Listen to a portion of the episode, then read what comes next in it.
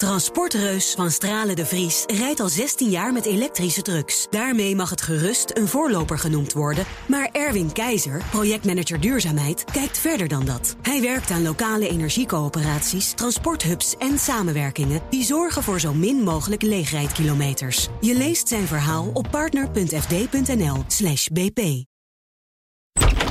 Dosis aan empathie van je wordt gevraagd, waardoor je uiteindelijk blokkeert. Dat je denkt, net als Mark Rutte tegen iedereen moet zwaaien, handjes schudden, maar zeg maar hi. Ja, maar dat is wel, Hi, bij, Mark, Mark. bij Mark heeft het hele gênante trekjes, vind ik. Weet je wat eh, maar Rutte laatst tegen mij zei? Ja, je moet die documentaire What's Left kijken over de PvdA. Dat vond ze echt, haha, is echt geniaal. Hoe de PvdA daar Ja, onderuit maar weet gaat. jij wie zijn beste vriend, wie zijn be- beste vriend is? Ik start ondertussen de opname trouwens. eh. Mijn beste vriend, eh, Jort Kelder? Nee joh, Diederik Samson. Nee. Ja. Er zei iemand deze week eh, uit de VVD op de radio, ik weet niet meer wie. Hij heeft een, maar heel weinig echt close vrienden. En zijn enige vriend in de politiek, dat is, eh, dat is in ieder geval de Diederik. Die hebben het zo gezellig gehad in Ik heb Rutte het zelf 2. gezellig gehad dat kaartjes uitwisselen. Ja. ja, en de brokstukken zijn we vandaag de dag nog aan het Nou, daar, oprapen daar, daarvan. daar, daar hebben we nu dus heel veel last van. Nou ja, Ploemen zat natuurlijk in Rutte 2. Hey, Asscher zat in je Rutte echt 2. opneemt, Wat is jouw Ja, ja. ervaring met de afdeling voorlichting van de Partij van de Arbeid? Eh, n- niet. nee, maar, Maar serieus, band loopt wel hè? Dus Oh, ik zeg het maar even voor de zekerheid. nee, maar ze, ze zijn een beetje stil deze dagen. Maar er is ook Nee, een, een goede voorlichter al- is met verlof. Dus ja, Hm. nou ja, het is, eh, het is rustig. Eh, duiken, denk ik het nu. amateuristisch namelijk. Iedereen vraagt zich af, wanneer gaan jullie communiceren? Eh, hoe gaan jullie dit rechtzetten? Of leg het uit. Ja, maar je bent al te laat. Ik, Ja. doe, ik doe aan crisiscommunicatie. Ik adviseer burgemeesters in crisissituaties. En de eerste klap is de daalde waard. Oh, paf. Ik heb bijvoorbeeld in Buren, bij dat datalek eh, heb ik eh, geadviseerd. Nou, dat wordt best ingewikkeld. Misschien moet je ons even aankondigen, Mark. Ja, doe maar even. Ja, zal ik dat zeggen? Dat dit Nieuwsroom Den Haag is van vrijdag 28 oktober. Jaap Stalenburg hoor je, die eh PvdA-lid lid van de Staten in provincie Lim Limburg. Ja, Limburg. Friesland. Friesland. Hoe kom ik uit toch bij Ja, Limburg? dan moet je ook nog, als je Friesland? het goed zegt, moet je ook nog Friesland zeggen. Ja, maar weet ik spreek niet. Nederlands. Ben jij, ben jij de enige PvdA die wel durft te praten deze dagen? Tijdens Nee, het. En Sophie van Leeuwen moet ik nog even noemen. Ik ben Mark Beekhuis. We gaan het inderdaad hebben over de PvdA en over de crisis Ik daar. durf, ik durf altijd te praten. Ik vind, eh, dat is namelijk het probleem. Dat, om maar even, dat is het grote probleem op dit moment van de Partij van de Arbeid. Doe gewoon je mond open. Ja, maar ben jij de enige of zijn er nog meer Nee, nee, eh, ik las collega's? vanochtend in de, de Volkskrant las ik een uitstekende quote van de voorzitter van het gewest Friesland. Ik las Pieter Paul Slikker, de wethouder in Den Bosch, voormalig voorlichter van de fractie. Las ik, ze zegt hele zinnige dingen. Ze Wat zeggen heel zij? Nou, zij zeggen met name de grote lijn is, en dat vind ik op dit moment eh, los van wat ik verder, wat het hele dossier van Dijk, dat ken ik niet, dat wil ik misschien ook wel niet Eh, weten. Gijs van Dijk, Gijs het, van Dijk, het Tweede sorry. Kamerlid, dat Dijk. eh, weg moest. dat weg moest en wat hij met, ja, nou goed, dat- hij onhandig is geweest. Kijk, als je jezelf eh, re- eh, op een of andere manier met Tinkerbell in de slag gaat als man, dan weet je dat je daar aanzienlijk risico loopt dat ergens onderweg wat fout gaat. Sorry, misschien mag ik dat niet zeggen, Dat maar dat, neem, dat zeggen. neem ik voor mijn We rekening. gaan het eruit knippen en we maken er een filmpje van. Doe maar. En laat er nog 87 keer zien. Nee, en ik had ook een mevrouw op Facebook. Die bleek ook wat te hebben gehad met Gijs en een bepaalde ervaring. En die ging de half... Iedereen die PvdA in zijn eh, toelichting had staan... Die werd door die mevrouw gevolgd en gestalkt. Die heb ik maar geblokt. Dus Gijs heeft geen gelukkige hand gehad van dames kiezen. Ja, is ook een, ik ken hem als Kamerlid. Het is wel een heel joviaal Ik iemand. vind het prima vent. Die eh, snel geneigd is om, eh, nou ja, je kent het wel, mensen die houden van knuffelen. Ja, Dat eh, is heel, heel gezellig. En Mark En Rutte soms- heeft dat ook hoor. ja, Mark Rutte heeft het ook een beetje. Ja, en als er dan een biertje bij is, dan is die knuffel misschien nog, eh, nog wat steviger. Ja. Zo'n type. Maar wat is er mis met knuffelen? Ja, ik, ik hou wel van knuffelen. ja, het hangt er vanaf met wie.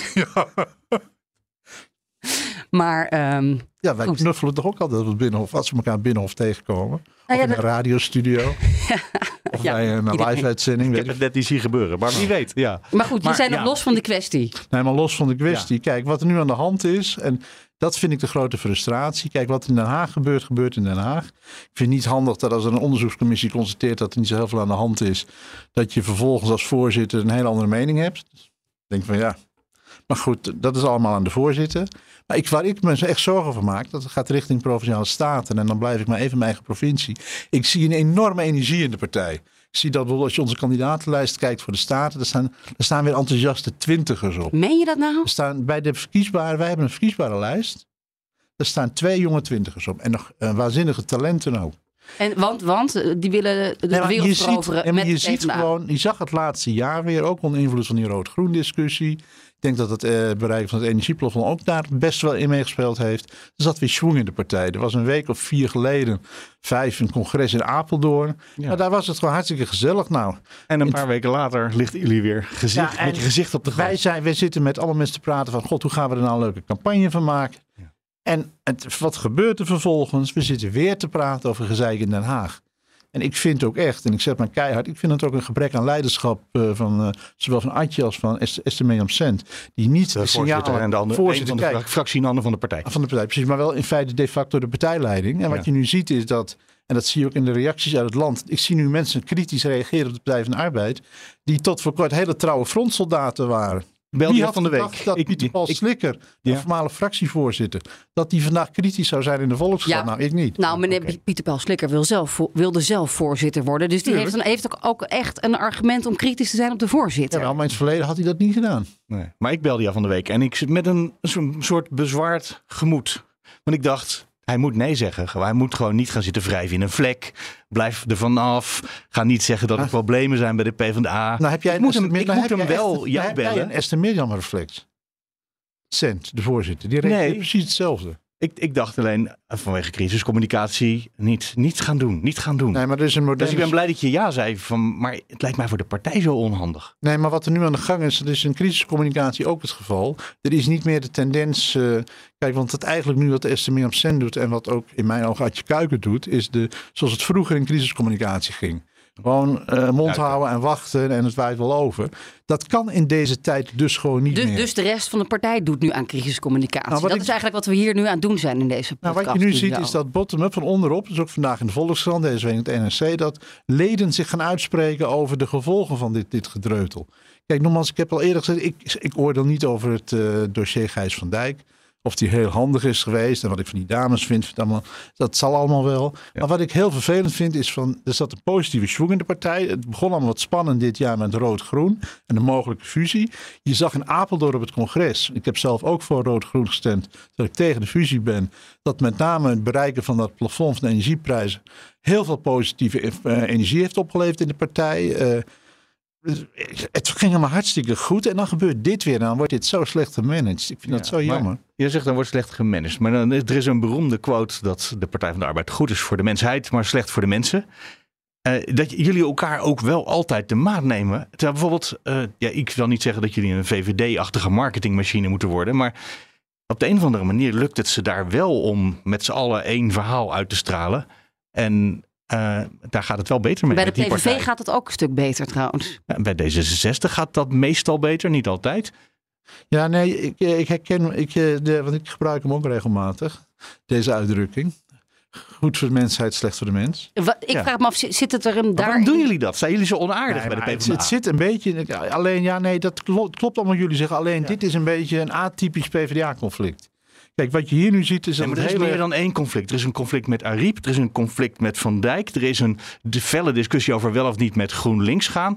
Eh Nou, die felle discussie Ploemen is eh, nog weg, vertrokken. De vraag is wat de rol van Katipiri is en hè, de voorzitter Cent. Nou, eh, dus er zit meer dan één conflict Ja, op maar dat, is, de dat, heeft, dat heeft dus vooral te maken met het feit dat. eh, kijk, we verwijten Mark Rutte wel eens een gebrek aan regie. Ik zie in de partij, van de partijleiding, en dan ga ik niet wijzen naar Adje of naar Esther Mirjam. Mhm. Ik zie op dit moment te weinig regie. Ik denk dat, eh, dat als dit bij de VVD gebeurt. En die hebben dan een paar. eh, Kees Berghuis, Jan Driessen, eh, Frits, noem ze maar op. Dan, dan zie je meteen dat de beweging ontstaat. Dat gaat borrelen in de media, in de talkshows, noem maar op. En wij, wij doen, draaien die deur op slot. En dan komen er allerlei vage verklaringen van, vanuit het partijbureau. Er is Esther Mirjam reageert vier dagen niet, terwijl Ja. de hele wereld reageert. Dan belt er volgens een voorlichter van haar, belt met Ton F. van Dijk en biedt ze excuus dat hij niet gereageerd heeft. Ja, ik denk op een gegeven moment ook van jongens, investeer nou eens in de kwaliteit van de mensen rondom de leiding. Maar waar zit het hem nou in? Is het ook misschien dat bij PvdA het collectief altijd voor het individu gaat?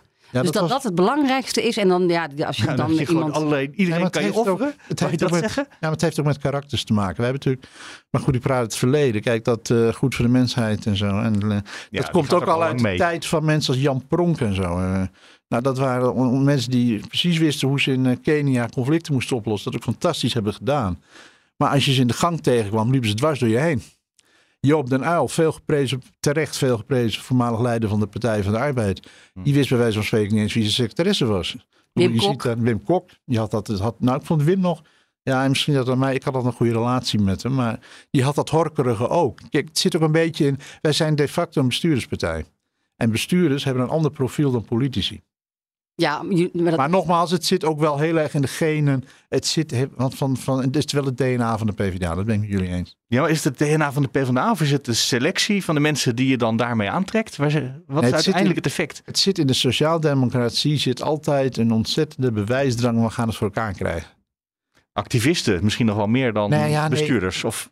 Dan, en dan wordt het te veel bestuurlijk gedacht, in structuren gedacht, in, in en te weinig wordt er naar gekeken van hoe, hoe nemen de mensen mee in het verhaal. Ik vind dat rood-groen vind ik een heel mooi verhaal. Ik weet, ik zelf ben tegen een fusie, maar wel voor die vergaande linkse samenwerking. Ik heb er ook met Jesse Klaver goed, goed gesprek over gehad. Ik ben helemaal niet tegen rood-groen.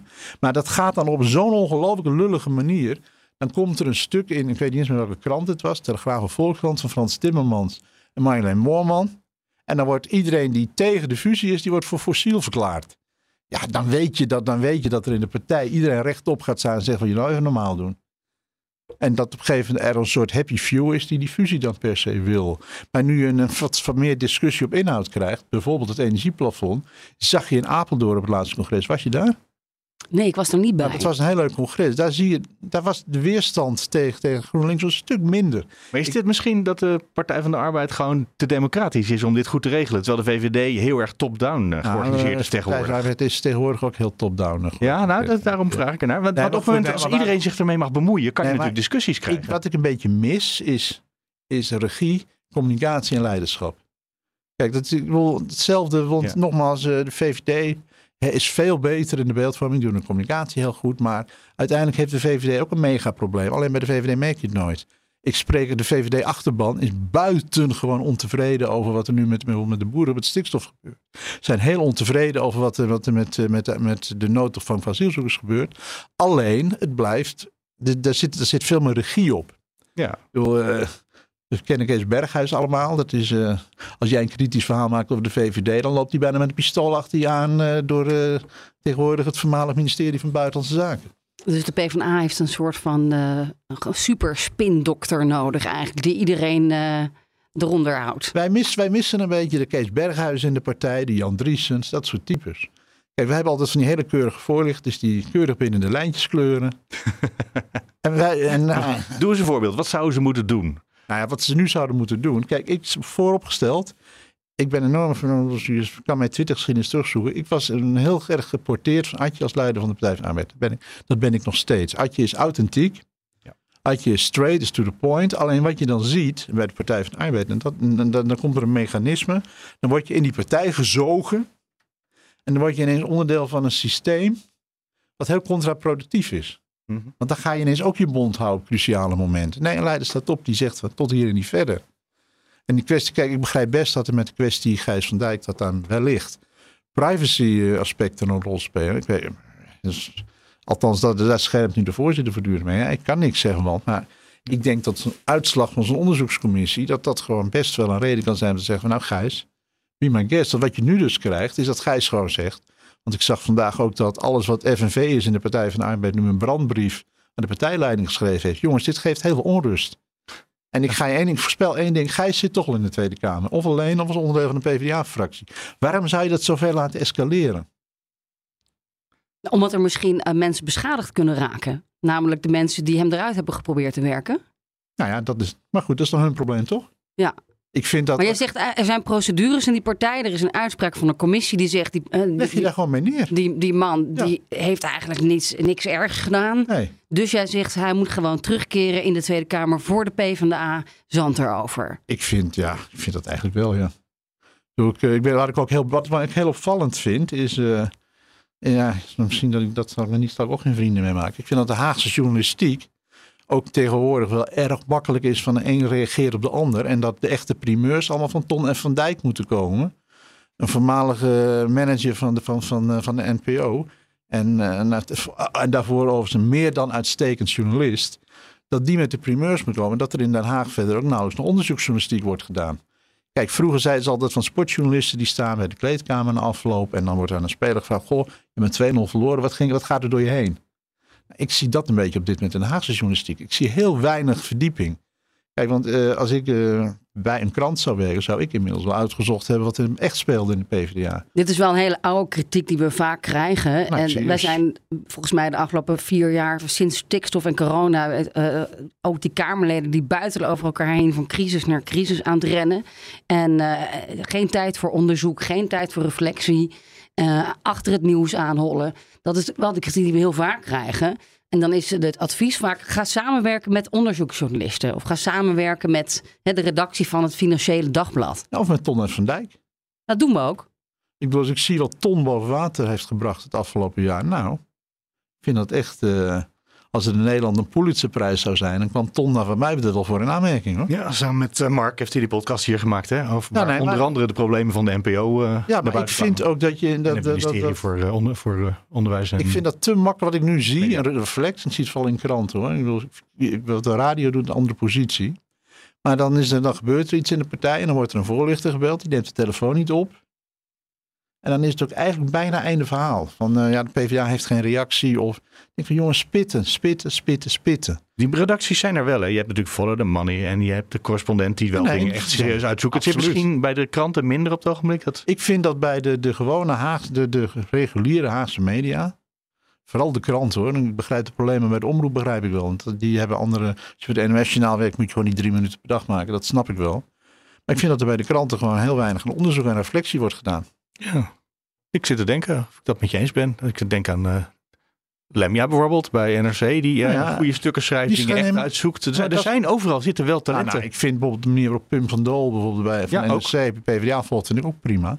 Maar dat zijn, uh, dat, zijn, dat zijn uitzonderingen. Voor de rest is het wel heel erg meedijnen met, met, met het ritme van de dag. Hetzelfde wat sportjournalistiek ook doet. Ja. Want het gaat Ajax met 3-0, dus het gaat fantastisch met Ajax. En uh, het is verliezen met 2-0 en het bestuur moet weg. Ja, van sportjournalistiek roep ik altijd dat het eigenlijk in het entertainmentnieuws hoort. Uh, dus dat zou misschien wel van de, politiek voor een, deel ook moeten. Een deel van de Haagse verslaggeving hoort daar misschien ook wel bij. Ja. Ik heb dus wel, uh, om, om jou, diep inzicht dit. Om jou blij te maken, Jaap, heb ik een... Ik had het niet over jou. Hoor. In het reces een boek te lezen, bijna uit. Dat hadden we nooit moeten doen over de PvdA. Ken je dat? Daar ben ik van de eerste tot de laatste letter ben ik het ermee eens. Echt fantastisch. Dus van Duco Hellema en Margriet van Lid van lid. Um, Over de jaren negentig met name. Ja, PvdA en de neoliberale revolutie van de jaren negentig. En dan, en dan denk je uh, dat eigenlijk gewoon alles waar we het nu over hebben, uh, over energie, alles wat we hebben losgelaten als staat, dat heeft, is gebeurd onder paars 1 en 2, onder Kok, uh, waar de PvdA eigenlijk aan de leiding was. En dat vind ik best wel shocking om te lezen. Ik zal het in mijn eigen levensloop in de Partij van de Arbeid zal ik aangeven. Ik, ik, heb dat, ik heb altijd wel. Ik had op een of andere manier kon ik het goed vinden met Wim Kok. Dat heb je wel. Want Wim Kok, dat is een heel mooi. Dit is wel een mooie anekdote eerst. Dan kom ik daarna bij je verhaal.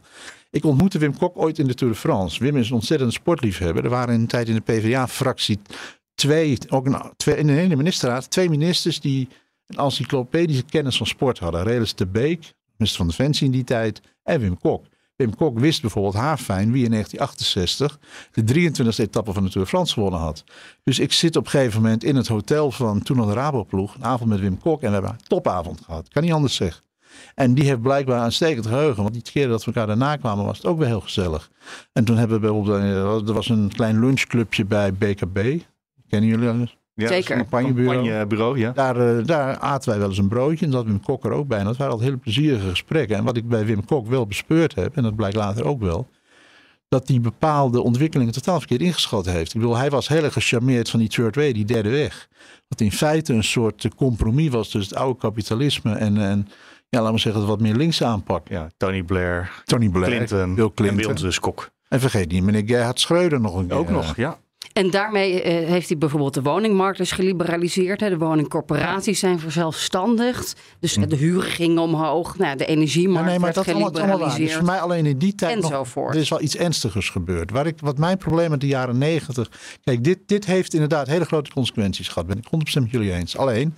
Wat ik, wat ik nog erger vind, is dat de grote leegloop van onze traditionele achterban in de jaren negentig is ingezet. Kijk, ik ben als een is die uh, alles was is van alles wat racistisch is, of PVV of Forum en ik dat wel. Maar wij hebben ook totaal, we hebben ook gewoon hele groepen weggezet als racist of fascist, noem maar op. Op de Haagse Schilderswijk, dan woon je, drie, dan woon je twee hoog en boven zijn ze ritueel aan het slachten. Het bloed druipt van de trap. Het moet allemaal kunnen hoor. Alleen wij hadden wel wat meer begrip voor die mensen mogen hebben in die tijd. En zeker Ad Melkert, want ik bedoel, we hebben het over Wim Kok gehad. Ik vind Ad Melkert een veel groter probleem. Die was de financiële woordvoerder hè, in de periode heeft, dit, uh, Lubbers fractie, Ja, nee, maar er is, nooit, er is nooit een kritische houding geweest. Maar wat wel heel sterk was, dat een heel groot deel van onze klassieke achterban, die werd volledig losgelaten in de jaren negentig. Als gevolg dus van die liberalisering. Maar ook als gevolg van het feit dat wij geen discussie wilden voeren over de multiculturele samenleving. Nog steeds. Dat was jullie achterban natuurlijk, die daar. Uh, nee, maar onze achterban had daar al last van. Ja, precies. Uiteindelijk hebben wij als Partij van de Arbeid misschien wel, uh, zijn wij mede verantwoordelijk voor uh, alles wat voor die 20% die nu in de Tweede Kamer zit. En waarvan, uh, waarvan je toch bijna kunt zeggen... Opkomst van Fortuin. Nou ja, op, opkomst van En alles daarna. Maar wat hadden jullie dan moeten doen? Welk standpunt dat je moet innemen? Ja, dat, dat, is, dat, van, dat, dat, is dus het hele moeilijke. Migratievraag. Ik, ik, ik, weet het niet. Ik ben ook niet voor de Deense oplossing. Dus dat je in ieder geval vanuit de sociaaldemocratie grenzen gaat stellen in migratie. Daar ben ik ook niet onvoorwaardelijk voor. Ik vind hem heel ingewikkeld. Maar wat moet je dan vandaag doen? Vandaag hebben we hele grote aantallen vluchtelingen. En komen er de komende jaren nog veel meer. Uit misschien ook Afrika, Midden-Oosten. Ik weet niet waar vandaan. Oekraïne, Rusland. Wat, wat moet de PvdA er dan van vinden nu? Nou, ik, ik, vind, ik ga niet zeggen wat de PvdA ervan moet vinden. Want ik zei net al dat ik tegen het Deense model was, wat bij een deel van de partij populair is. Ik denk dat ik in die discussie wel erg aan de linkerkant sta. Maar ik vind wel, en dat, vind, en dat mis ik het meest, er wordt ook niet over gepraat. Ik kan me niet een PvdA-congres herinneren waar dit gewoon bediscussieerd is. Het wordt allemaal als vanzelfsprekendheid allemaal aangenomen. En in de, nu is dat wat minder, maar in de tijd van Melkert en Kok was ook de reflex, als je het wel deed, was je extreem rechts of een fan van Mussolini. En nu, op het ogenblik, want we hebben ook allebei de documentaire What's Left gezien. Ja, nou, dat, daarom, dat maar die, die gaat de andere kant uit. Daar zeggen ze, er moet ook ruimte zijn voor, voor totaal woke mensen. En die eh, verketteren we op het ogenblik nog. En dat gaat best samen met het socialisme. Nou, dat was een beetje de, de, dat is de, conclusie helemaal aan het einde. De richting die Ploemen uit wilde, had ik de indruk. Dus ja, zij en de macht was. Ja, ik ben altijd heel blij dat ik in de provincie woon, in Friesland. Daar wonen hele nuchtere, hardwerkende mensen. Ja, niet woke. En geen totaal niet. Dat is. Woke, is geen probleem. woke is geen probleem. Maar het is ook niet iets dat ze, dat ze dat iedere dag uitdragen. Het zijn gewoon heerlijke, nuchtere. En ik moet zeggen dat, en, en daarom frustreert mij dat hele gedoe in de partij op dit moment. Dat, uh, dat, dat er ook weer een. Ik, vind, ik vond echt, en, en dat werd nog in de Volkskrant ook goed verwoord door de gevestigde voorzitter. Er zat echt de laatste, laatste half jaar eigenlijk mm alweer een positieve vibe in de partij. Kijk, dat rood-groen, dat was meer een soort folklore discussie dan dat... Een dat, structuurding, ja. Ja, joh, dan dat het heel ernstig was. Uiteindelijk komen we er wel uit. Ik heb tegen Klaver ook gezegd, verspil dan geen energie met uh, eindeloos fusieproces. Maar ga lekker samenwerken en laat zien en bewijs dat het werkt. Nou, je, bewijs heb je gezien. Dat energieplafond was echt een heel goed voorstel. En toen merkte je ook dat er in, ik merk dat er heel veel energie loskwam in de partij. De, de afgelopen jaren heb je heel vaak uh, het gevoel gehad dat uh, alles wel binnengehaald was. Alle sociale rechten, de verzorgingsstaat, de welvaartsstaat was geregeld. En het enige wat er nog te doen viel was dat te verdedigen en zorgen dat het niet afkalft. Ja. Is dat, misschien, is dat misschien waardoor het ook gewoon moeilijk werd om mensen enthousiast te houden? Terwijl nu je inmiddels, nou ja, je hebt de Uber-chauffeurs en de, uh, de flitsbezorgers die misschien wel weer wat socialisme nodig hebben. Nou, dan stel ik een vraag aan jou. Wie zijn op dit moment als bijvoorbeeld als het om uh, verzorgingshuizen gaat, om. Uh, wat zijn nou de partijen op dit moment die het meest voor de gewone man opkomen? Ja, ik vrees dat ik alleen maar aan de SP denk, als je dat zo zegt. Nee, maar ik ga nog verder. Wat denk je van een PVV? Ja, zeker. En ook de, de, de bejaardentehuis. Bejaardentehuis. Ja, 21. Ja, 21. Kijk, wat we een beetje als Partij van de Arbeid er zijn eigenlijk, en dat is dat, ik denk dat dat misschien al, we kunnen over alle incidenten praten. En Gijs van Dijk met zijn ongelukkige vrouwenkeus, mm allemaal interessant. Maar wij zijn op, en dat, ik heb daar geen antwoord op hoor. Wij zijn, op, uh, laten we zeggen, een, een, heel erg worden wij beconcureerd door partijen die een agenda hebben die zeg maar een deel van de voormalige aanhang wel aanspreekt. Ja, maar dus heeft, de partij, dus, heeft de partij inmiddels bijvoorbeeld hardop gezegd dat uh, neoliberalisme de derde weg ja, dat was niet zo'n goed idee. Daar nemen we echt resoluut afstand van. Dat is al gebeurd. ja? Heeft, dus Ascher heeft dat al gedaan. En ik weet dat Adje, Adje heeft dat ook al gezegd. En uh, kijk, ik zou je mooi vertellen. Dat was namelijk een van de dingen waar natuurlijk wij door GroenLinks op werden aangesproken. Dat we in de achterband van GroenLinks. Dus van ja, moeten we wel met die neoliberalen gaan samenwerken. Mhm. Wij vonden overigens GroenLinks ook een neoliberale partij. Wat ze in de tijd van Femke Halsema ook... Uh, ja, toen zeiden ze nog dat ze liberaal waren. Dus dat is best wel een discussie geweest. Maar je merkt heel sterk dat, uh, dat er wel heel erg een beweging in de Partij van de Arbeid is van nou, dit moet maar even niet meer gebeuren. We, gaan, we zijn er veel meer nu voor de mensen. En je ziet ook hele, ik vind de manier waarop een jong Kamerlid als Haptemoede Hoop zich uh, laat zien. Echt ja, over de kwaliteit van het onderwijs uit de provincie. Ik vind alleen, en dan blijft een probleem, dat Goed, we kennen allemaal uh, de, de, literatuur die daarover de laatste tijd verschenen is. Dat er zo langzamerhand wel twee Nederlanden aan het ontstaan zijn. En dan niet, niet, uh, niet de have en have-nots, maar met name de Randstad en de provincie. Ik Heb je het niet over de, uh, de Atlas van Afgehaakt Nederland? Je ik, hebt het over de wilde, provincie. ik vond dat te makkelijk, dus, maar ik bedoelde de Atlas van Afgehaakt Nederland duidelijk wel. En ik merk dat er in Den Haag een hele andere perceptie is over wat er buiten de Randstad gebeurt of laat zich buiten Den Haag zelfs, dan de beleving van de mensen zelf. Mag ik daar dan nog even één keer verwijzen naar het, het, boek wat ik dus nu aan het lezen ben? Dat hadden we nooit moeten doen. Ja. Want daarin staat ook dat bijvoorbeeld iemand als typje als Felix Rottenberg eigenlijk gewoon de, de navelstreng heeft doorgesneden lijkt tussen Den Haag of de partijtop en, en wat er verder in het land gebeurt. Dat is die democratisering. Die, is, die is eigenlijk kapot gemaakt, waardoor je volgens mij te weinig contact met elkaar hebt of geen geen invloed meer hebt vanuit de provincie op wat er in Den Haag gebeurt. Vat ik dat goed samen? Jij vat dat heel goed samen. En dan, dat is dan toch de kern ook misschien van, van heel veel problemen die je nu beschrijft. De derde weg, de derde is, weg. Heeft daar, is daarna pas ingeslagen. en, wij hebben, en op het sociaal, en in het sociaal domein hebben wij natuurlijk uh, A, concurrentie van met name de PVV. Wat minder van de SP, want daar zie ik niks van in de Maar dat heb je natuurlijk zelf veroorzaakt door deze afslag te nemen. Dat hebben we. En, ja, en het tweede probleem is wat ik zie, is dat, er een, dat wij niet meer, dat wij gewoon niet die stip op de horizon hebben staan. Van daar willen we naartoe.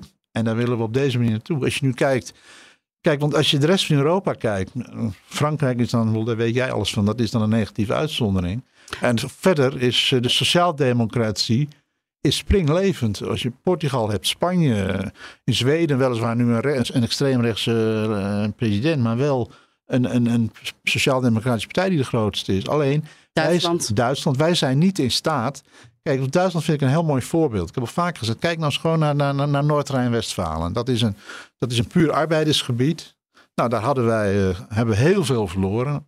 Zelfs aan het CDU, maar ook aan allerlei andere alternatieve partijen daar. De slag daar hebben wij weer klassiek socialistisch gevoerd. Dus gewoon weer over rechten voor arbeiders gesproken, over goede cao's, over fatsoenlijk werk. Jongens, dat is de kant waar we eigenlijk weer op moeten. En dan komen we weer bij Gijs van Dijk terecht. Als die deed dat. Die deed dat dus. Daar ook om die reden zou ik, eh, vind ik Gijs, uh, dat Gijs terug moet komen. Maar we hebben natuurlijk ook nu de provinciale statenverkiezingen voor de, voor de deur. En dus jij voorziet dat je zo'n slag moet gaan voeren in die provincies. Over hè, dus de basisrechten van de arbeiders. Nou, waar ik me, wat, wat je nu gaat krijgen, dat had je na Rutte 2, had je die beweging in de Partij van de Arbeid, had je die helemaal. Want Rutte 2, dat hebben we nog niet genoemd, dat is natuurlijk ook een absoluut trauma geweest. Hè? Ja. Met, met name, die, als je nu ziet dat uh, al die, die hele decentralisatie naar de gemeente, noem maar op, joh, dat is desastreus geweest. Want daardoor krijg je die malle discussies over van, uh, ja, mijn zoon zit in de bijstand, ik mag geen, mag, mag, mag geen boodschappen voor hem doen. Nou, dat is ontstaan in, in, allemaal in Rutte 2. En, en dat, van, dat vergis je ook daar niet in. Kijk, het vertrouwen in de, van, van de kiezer in de Partij van de Arbeid is ongelooflijk broos. En daar moeten we er al jaren aan werken. Dus door, door, gewoon krachtig sociaal. Ik vind een sociaal beleid ik vind dat we met name uh, ook platteland moeten gaan versterken. Dat we echt een goede plattelandspolitiek moeten voeren.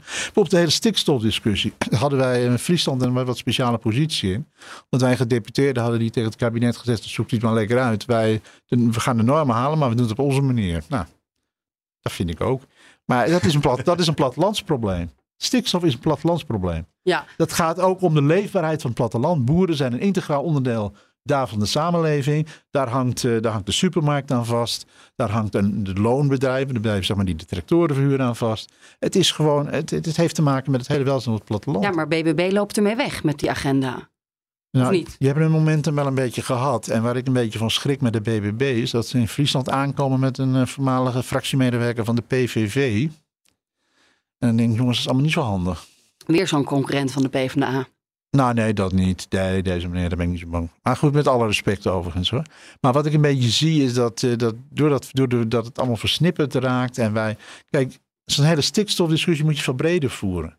Dan moet, je, ja, dan moet je ook gewoon echt praten over wat er op het platteland gebeurt. En de impact die het heeft. Kijk, wij denken dat alleen de boeren zich slachtoffer voelen. Nou, de mensen in het dorp voelen zich ook slachtoffer hoor. Ja, want? Nou, omdat dit gewoon een, veel groter probleem is. En bovendien eh, merk je dat de hele stikstofdiscussie een soort metafoor is. Die discussie zie je ook een soort metafoor is van, van ja, toch weer een klassieke strijd van de stad. De, de, nee, niet eens de stad van, van de, de Randstad tegen de rest van Nederland. Misschien wel zelfs Den Haag tegen de rest van Nederland. Maar ik heb het deze week, uh, daar werd ik ook niet met applaus ontvangen, in Telegraaf Politiek autisme genoemd. Maar het is het een beetje wel. Er is in, bij veel partijen hoor, Partij van de Arbeid ook, maar ook bij andere partijen leeft dat. Van de hele wereld is gek, behalve wij. Wij, wij bedenken het wel.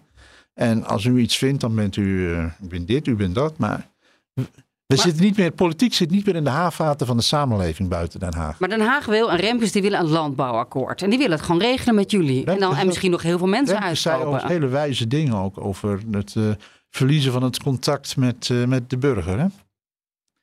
Ik was het daar zeer mee eens. Ja, maar, maar jij zegt Remkes wil een deal maken met de provincies, maar dat is toch juist niet wat hij wil? Er moet toch een deal komen met de grote nationale Rutte, landbouworganisaties en dan zit je in Den Haag. Ik, dat, ik, ik had namelijk al meteen de... Oh ja, ook weer, ook weer, ik ga een mooi voorbeeld geven van hoe het werkt. En dan gaat het even niet over mijn eigen partij, maar over een minister van de VVD. Er werd op vrijdag met heel veel lawaai naar de ministerraad een kaartje gepresenteerd. Met hoe het moest met, uh, met, met stikstof. Nou, prima.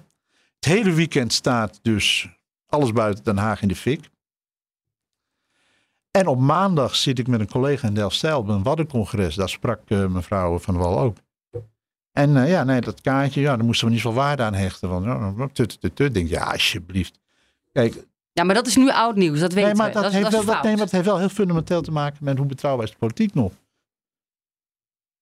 Ja, maar, ja. Ik vind hem heel fundamenteel, hoor, dit, soort, dit soort zaken. Ja, dus dat vertrouwen is weg. En jij zegt dus vervolgens tegen, tegen je achterban, uh, we gaan het gewoon op onze eigen manier doen in Friesland. Nou nee, wat je nu merkt, en dat merk je ook uh, bij andere partijen. Nee, ik, laat mijn eigen partij beperken. Je merkt dat in het hele land. Wij hebben niet zoveel behoefte meer aan werkbezoeken van Kamerleden bijvoorbeeld. Althans, ik vind, altijd, ik vind wel ook. Ik ben gisteren met, uh, met, met onze sportwoordvoerder naar Tialf geweest. Hartstikke leuke dag Ik zag het op Twitter, ja. ja we, we moeten de rekening van Tialf gaan betalen. Uh, Den Haag, hè? Dan, ja, wie, ja, maar wie juicht er dan als uh, ze gouden medailles worden gehaald? Toch niet alleen Friesland, toch ook de rest van Nederland? Dan is dat toch een hele logische stelling. Oké. Nee, maar goed, maar met mijn handen brengen dat. Het is niet zo, maar er is niet dat men dan zegt: Goh, wat leuk, Adje Kuiken opspreken in Leeuwarden. Ik vind dat heel vervelend. Want Adje mag van mij iedere dag in Friesland komen spreken. Ze doet trouwens haar interviews in het Fries voor Omroep Friesland. Vind ik ook altijd wel grappig. Is electoraal ook niet slecht. Maar het is een beetje, ja, je merkt heel sterk dat de kloof tussen ik zie nu de reactie nog in de Volkskrant van de gewestelijk voorzitter van Friesland. Nou, dat is een, ja, ik noem dat een hele trouwe frontsoldaat. Als die man al in de Volkskrant kritiek geeft, nou, neem dan maar wij dat er echt iets aan de hand is.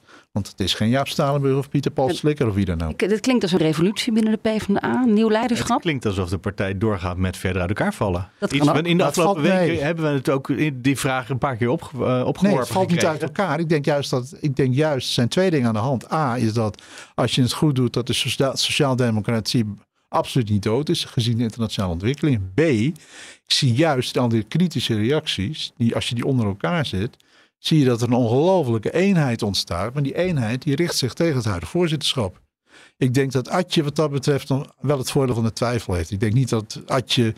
Ik denk dat hooguit... die, uh, die heeft de langste tijd alweer gehad? Ik, merk, heel, kijk, ik vind het heel veel, want ik vind het een buitengewoon aardige mevrouw. Ja. Ik, denk, ik merk dat de manier waarop uh, deze, met name de zaak Gijs van Dijk wordt aangepakt, ja, dat, dat, dat had heel veel kwaad bloed. Okay, maar stel je nou voor dat jullie mevrouw Cent ook kwijtraken. Dan zijn jullie Asscher al kwijtgeraakt en je zijn Ariep ook dan kwijt. Maken we toch gewoon. En dan, moet herkenbare politici hebben. Ik snap wel dat je herkenbare politici wil hebben. Maar in dit tempo heb je aan het eind van het jaar geen, geen leden meer over die je kan inzetten. Ja, misschien, iedereen misschien zijn afgeschoten wordt binnen een jaar. Misschien zijn er verkeerde keuzes gemaakt. Misschien moeten wij ook als Partij van de Arbeid wel weer naar de herkenbare politici.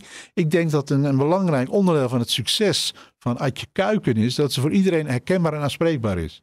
Als Adje in een land komt, dan gaan ze de zaal door en ze praat met iedereen en ze knuffelt met iedereen. En uh, het is gewoon een, echt een, hartstikke tof. Weer mhm. knuffelen, hè? Weer knuffelen. mag wel. Ik hoorde het ook. Ja, met Adje mag wel. Ja. Oké. Maar, dus jij zegt eigenlijk, deze voorzitter Cent, die moet misschien gewoon weg? Ik denk dat er wat meer, dat wij in het algemeen... meer dan alleen... Ik zeg niet dat ze heel voorzichtig zijn, dat ik, ik zeg niet dat ze weg moet. Want nee.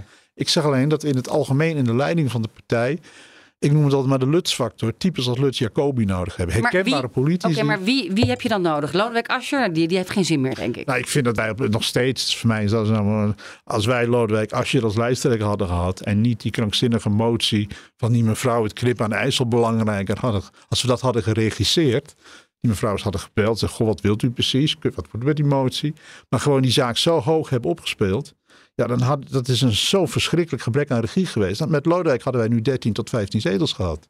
Ben ik van overtuigd. Ja, maar wie is... En een leider voor de toekomst. Noem eens even, even een, een, een, iemand die we allemaal kennen van de PvdA. Uh, je hebt het over grotere bekende gezichten. Die bijvoorbeeld leider zou kunnen worden. Nou, ik zie op dit moment zie ik er drie.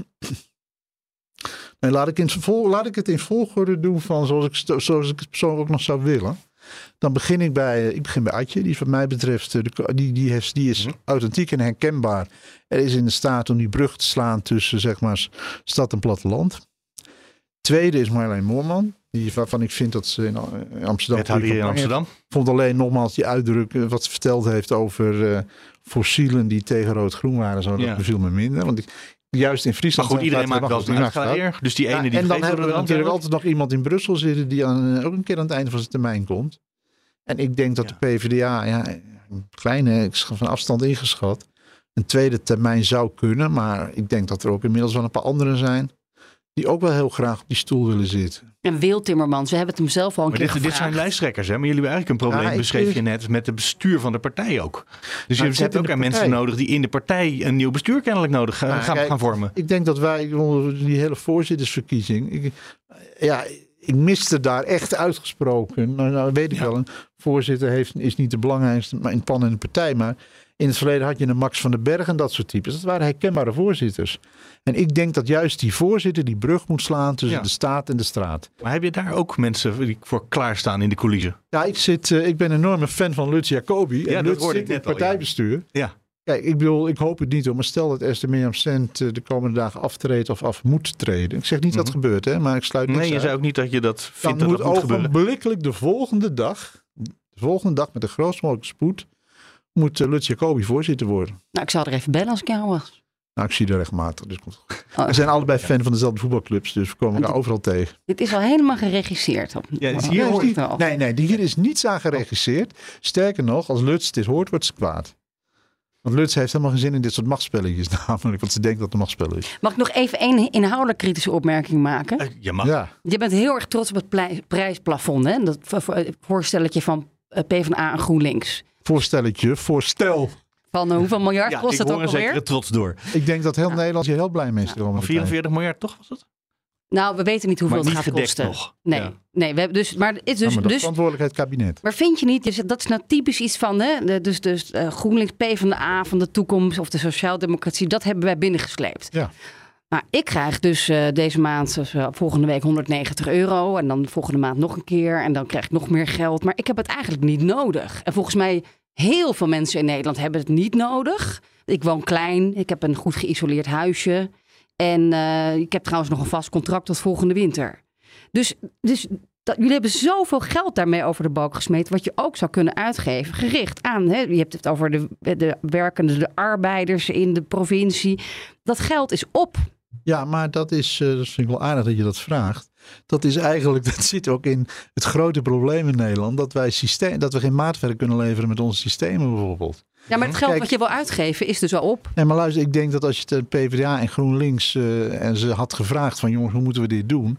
Dat er wel een, dat, dat inderdaad wel, dat er wel voor maatwerk was gepleit. Alleen uh, onze, uh, de, zeg maar de, de, de techniek erachter, of het nou bij de fiscus is of bij de overheid zelf, is niet in staat om het zo in te regelen dat het ook kan. Maar dat weet ik. Maar ik ben gewoon bang dat de komende jaren er geen geld meer is voor cadeautjes. En dat we komen in een recessie terecht. Nou, ik zag dat het gaat op dit moment uh, juist deze crisis en het gaat financieel niet slecht met de BV Nederland. Nu nog niet. Nu nog niet. Nee, maar als het dan dus wat dat betreft, gaan uh, Maar strategisch is ook helemaal niet erg. Als, de, als je als oppositiepartij organiseert dat de coalitie in de komende jaren geen cadeautjes kan uitdelen. Dat, kan, nou, dat, zou, dat zou strategisch heel slim zijn als nou, dat bedacht nou, hadden. Nee, nou vind ik dat dat, kan, dat kan, heeft ook weer andere risico's. Nee, ja, daar ben ik niet voor.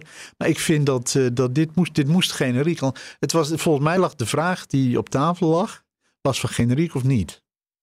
Ja, de gaan we meer dan een jaar wachten of gaan we nu iets doen? Nou, en daarmee hoop je ook andere kiezersgroepen te Kijk, bereiken. het is hetzelfde verhaal destijds. Nee, nee, dat zat er niet achter. Maar hetzelfde verhaal destijds als met, uh, met die 30.000 voor de, voor de toeslagen. Voor 30.000 voor iedereen die gedupeerd zou zijn door die toeslagenregeling. Beter iets dan niets. En maar op een gegeven moment moet je gewoon iets doen. Kijk, wij hebben, ik heb die 190 misschien ook niet nodig. Jij niet. Maar ik, eh, bij, bij mij in de straat wonen er misschien wel twintig die het wel heel erg hard nodig hebben. En die heel blij zijn dat Klaver en Adje Kuiken dit bij uh, mevrouw Kaag voor elkaar gekregen hebben. Kijk, jij hoopt natuurlijk dat Timmermans aan de macht komt over, hoe is het alweer, twee ho, jaar? Ho, ho, heb ik dat? Ik, eh, nee, ik, nee, de nummer drie was oh, dit dat was mijn nummer drie. Want oh. ik ja, vind, er gingen twee andere voor. Dat was twee andere nieuws. Ik, ben, ik, ik, ik geloof heilig in dat er in die Partij van Arbeid iets nieuws moet gebeuren. Kijk, en als je doet wat je deed, krijg je wat je kreeg. Dus als je Timmermans zet, heb je weer iemand die naadloos in die hele lange rij van typische PvdA-bestuurders past. Met alle respect voor wat hij doet. Maar ik zou, ik zou het heel verfrissend vinden als, als wij nu gewoon eens zouden zeggen in de partij. van de komende tien jaar is Adje onze leider. Dan zijn we opgezeik af. Dan heeft Adje, die komt ook in, eh, in, haar, in, haar, in haar kracht. Gewoon Chinese toestanden. Nee, maar jij maakt Adje mee. Nee, laten we het gewoon heel makkelijk doen. Jij maakt Adje in Den Haag ook mee. Adje is in, moment, vanaf het moment dat ze fractieleider werd, is ze gegroeid. Daar stond, een, daar, stond een, daar stond een serieuze leider. En daarvoor was ze nou een prima Kamerlid.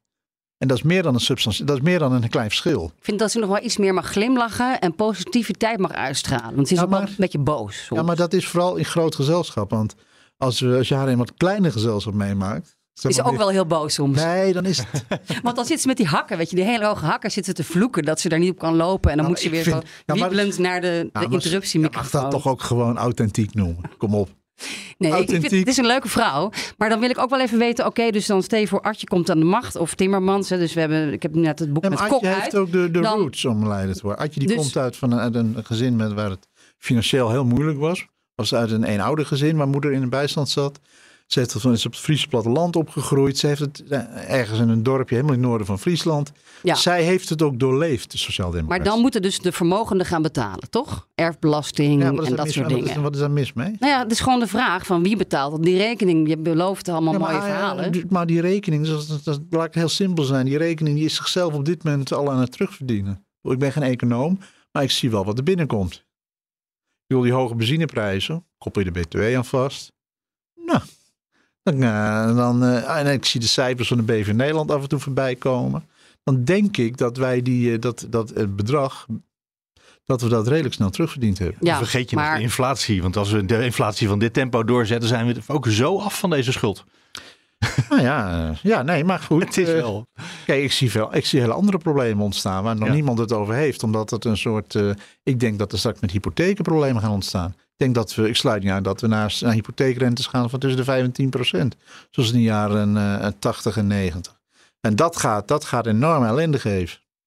Hoe dat probleem, dat hangt, dat vind ik veel, veel meer boven de markt hangen. Ja, dan kun je niet weer met een zak geld van 40 miljard voor de arme hypotheekmensen nee, uh, aankomen. Dan, dan heeft, uh, dan, kijk, wat je op dit moment wel ziet, dat als mensen voelen dat er politieke onrust gaat ontstaan, dan is er bij de ECB wel iemand die een knop weet te vinden. Nou, de gereedschapkist is wel een beetje leeg, hè? Ja, nee, maar dus, eh, dat hangt straks zit er weer een, zit soort draak, zit er weer een creatieve meneer achter de knoppen. Ik denk dat op dit moment, nee, maar wat je in overal in Europa merkt, tot zelfs een braaf land als Zweden aan toe, waar je gewoon s'nachts, uh, waar gewoon s'avonds na twaalf uur alleen de brievenbussen open zijn en geen café te vinden, een heel braaf land, dat zelfs daar de bevolking zegt van jongens, uh, kijk uit, dat daar eigenlijk al een soort opstandje bezig is. Nou, wat in Frankrijk is gebeurd met gele hesjes weten we. België is onrustig. Nou ja, Engeland gaat, uh, is ook niet heel soepel. Politici merken wel dat, uh, zeggen, uh, stel die rente inderdaad sky high gaat en de hypotheek wat ze per maand moeten betalen, dat gaat sky high. Nou, dat is een garantie voor onrust. Ik denk dat, ik, ik sluit niet eens uit dat we over tien jaar overal in Europa extreemrechtse regeringen hebben. Want kijk, het meest noordelijke land heeft hem. Maar we hebben Italië heeft nu ook een mevrouw van die kleur. En we hebben in Nederland inmiddels, uh, ja, we hebben één geluk. Dat wij natuurlijk altijd nog wel het, nou, ook al stemmen we niet op het CDA, we zijn, we zijn wel een beetje covidistisch. Wij zullen nooit met 50% zullen wij Wilders gaan stemmen. Maar als er straks een tweede Pim komt, nou, dan weet ik het nog niet. Kortom, ik denk dat politici twee dingen aan het doen zijn. Dus die financiële kant managen moet echt goed gebeuren. Maar aan de andere kant ook voortdurend bezig zijn om, om die onrust uh, toch een beetje in te schatten en te beteugelen. Denk je niet? Ik vond je net zo optimistisch, maar op, inmiddels uh, ik heb een beetje, het niveau weer uh, naar somber. Ja, luister, mijn favoriete podcast is die van Boekenstein en de Wijk.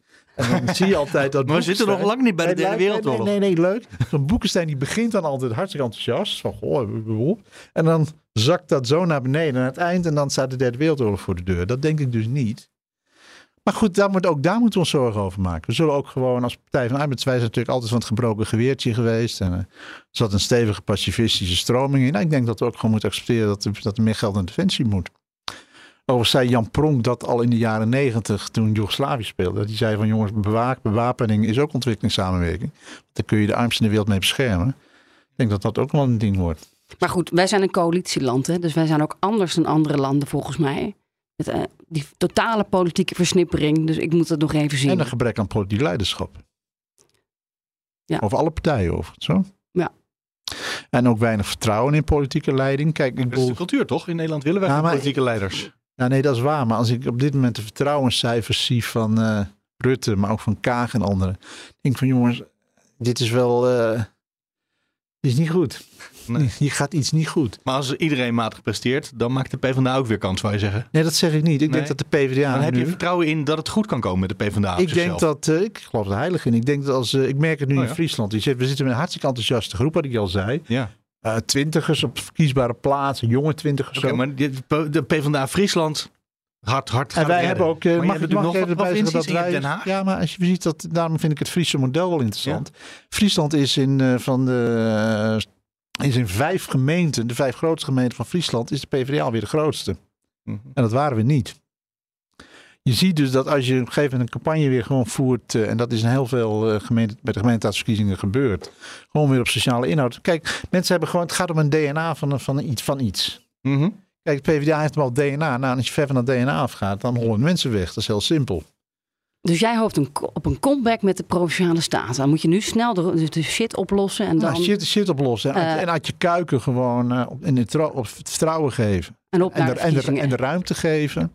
En een Kees Berghuis naast haar, die gewoon als een soort uh, wegbereider. Of Jan Driessen. Kijk, Jan zal het niet doen. Maar zo'n type die gewoon zorgt dat ze, dat ze in positie komt. Dat, ik vind, ik vind Adje Kuiken, vind ik, uh, als ik een top drie van politici maak, dan staat ze daar heel hoog in, in Nederland. Ik zie je heel zorgelijk kijken. Nee, nee, helemaal niet. Nee, ik, ik dacht, uh, dit is een. Uh, is, eindigen we op Kuiken? Ik zie daar Leender Beekman binnenkomen. Die kan, we gaan namelijk ook een fotoshoot doen voor ik deze ben, podcast. Oh jee, ik ben een ongelooflijk. Nee, ik ben echt een, ik ben echt een Kuiken-fan. Ik heb ook de moeite genomen om met haar. We hebben lange gesprekken gevoerd. Kunnen goed met elkaar. En, en ik denk dat dit echt, Adje Kuipers echt de toekomst van de Partij van de Arbeid. Alleen, ze moeten ruimte krijgen om misschien een aantal impopulaire beslissingen te nemen. Zoals de voorzitter wegsturen. Nee, dat zeg ik niet. Maar, nou, wel, maar wel duidelijkheid. Dat zei Sophie. Maar wel duidelijkheid creëren rond de, rond de leiding van de partij. Zij moet echt de leider zijn. En dan mag ze best een keer wat autoritair zijn. Ik heb helemaal niet tegen autoritaire partijleiders. Want dat is minstens duidelijk. Maar uh, ja. Dus uh, ze krijgt dan een, een, tweede kans nu, uh, nu leiderschap tonen voordat de boel echt in elkaar dondert. Ik maak, kijk, als Uitje Kuiken nu niet leiderschap toont in dit conflict, dan heeft de Partij van een serieus probleem. Want de echte alternatieven zitten niet in de Kamer. Ik zal er even een appje sturen zo. Ja, ja. moet je even doen. Doe ja, nee, ik, ik, ik ken mij heel goed, dus dat is wel leuk. Het komt ook wel eens langs bij de Friday Move. En het is altijd heel gezellig. Het is ook, nee, maar daarom. Zij, kijk, het voordeel heeft. Kijk wat Adje heeft natuurlijk Partij van de Arbeid is, is ook niet alleen de Partij van de Arbeid, maar ook de Partij van het Wantrouwen. Dus media worden vaak wel gewantrouwd. En de Telegraaf, dat is, en dan moeten we voorzichtig mee zijn. Adje zit gewoon bij, bij WNL, bij ook Goedemorgen. Mag ik even een selfie met je maken? Dan stuur ik die mee, dan gaat ze extra snel. Ja, als jullie dat even doen, ja? dan maak ik ondertussen even de afrondering van deze podcast. Dit ja, was Nieuwsroom Den Haag. Met Jaap Stalenburg van de PvdA als gast en Sophie van Leeuwen die ook in de studio zit. Leendert heeft eigenlijk een dagje vrij, maar wat Sophie zei, vandaag gaan we foto's maken voor deze podcast. En die is eventjes teruggekomen van het klussen thuis. Dank voor het luisteren en uh, tot volgende week. Artje, uh, Jaap Stalenburg vind je super. En wanneer ga je de telefoon opnemen? nee. Is dat mijn... Flauw, hè? Ik ga er even ja, Maar jongens, er is eigenlijk geen reden voor negativiteit rond de partij. We hebben alleen een probleem. Transportreus van Stralen de Vries rijdt al 16 jaar met elektrische trucks. Daarmee mag het gerust een voorloper genoemd worden. Maar Erwin Keizer, projectmanager duurzaamheid, kijkt verder dan dat. Hij werkt aan lokale energiecoöperaties, transporthubs en samenwerkingen... die zorgen voor zo min mogelijk leegrijdkilometers. Je leest zijn verhaal op partner.fd.nl bp.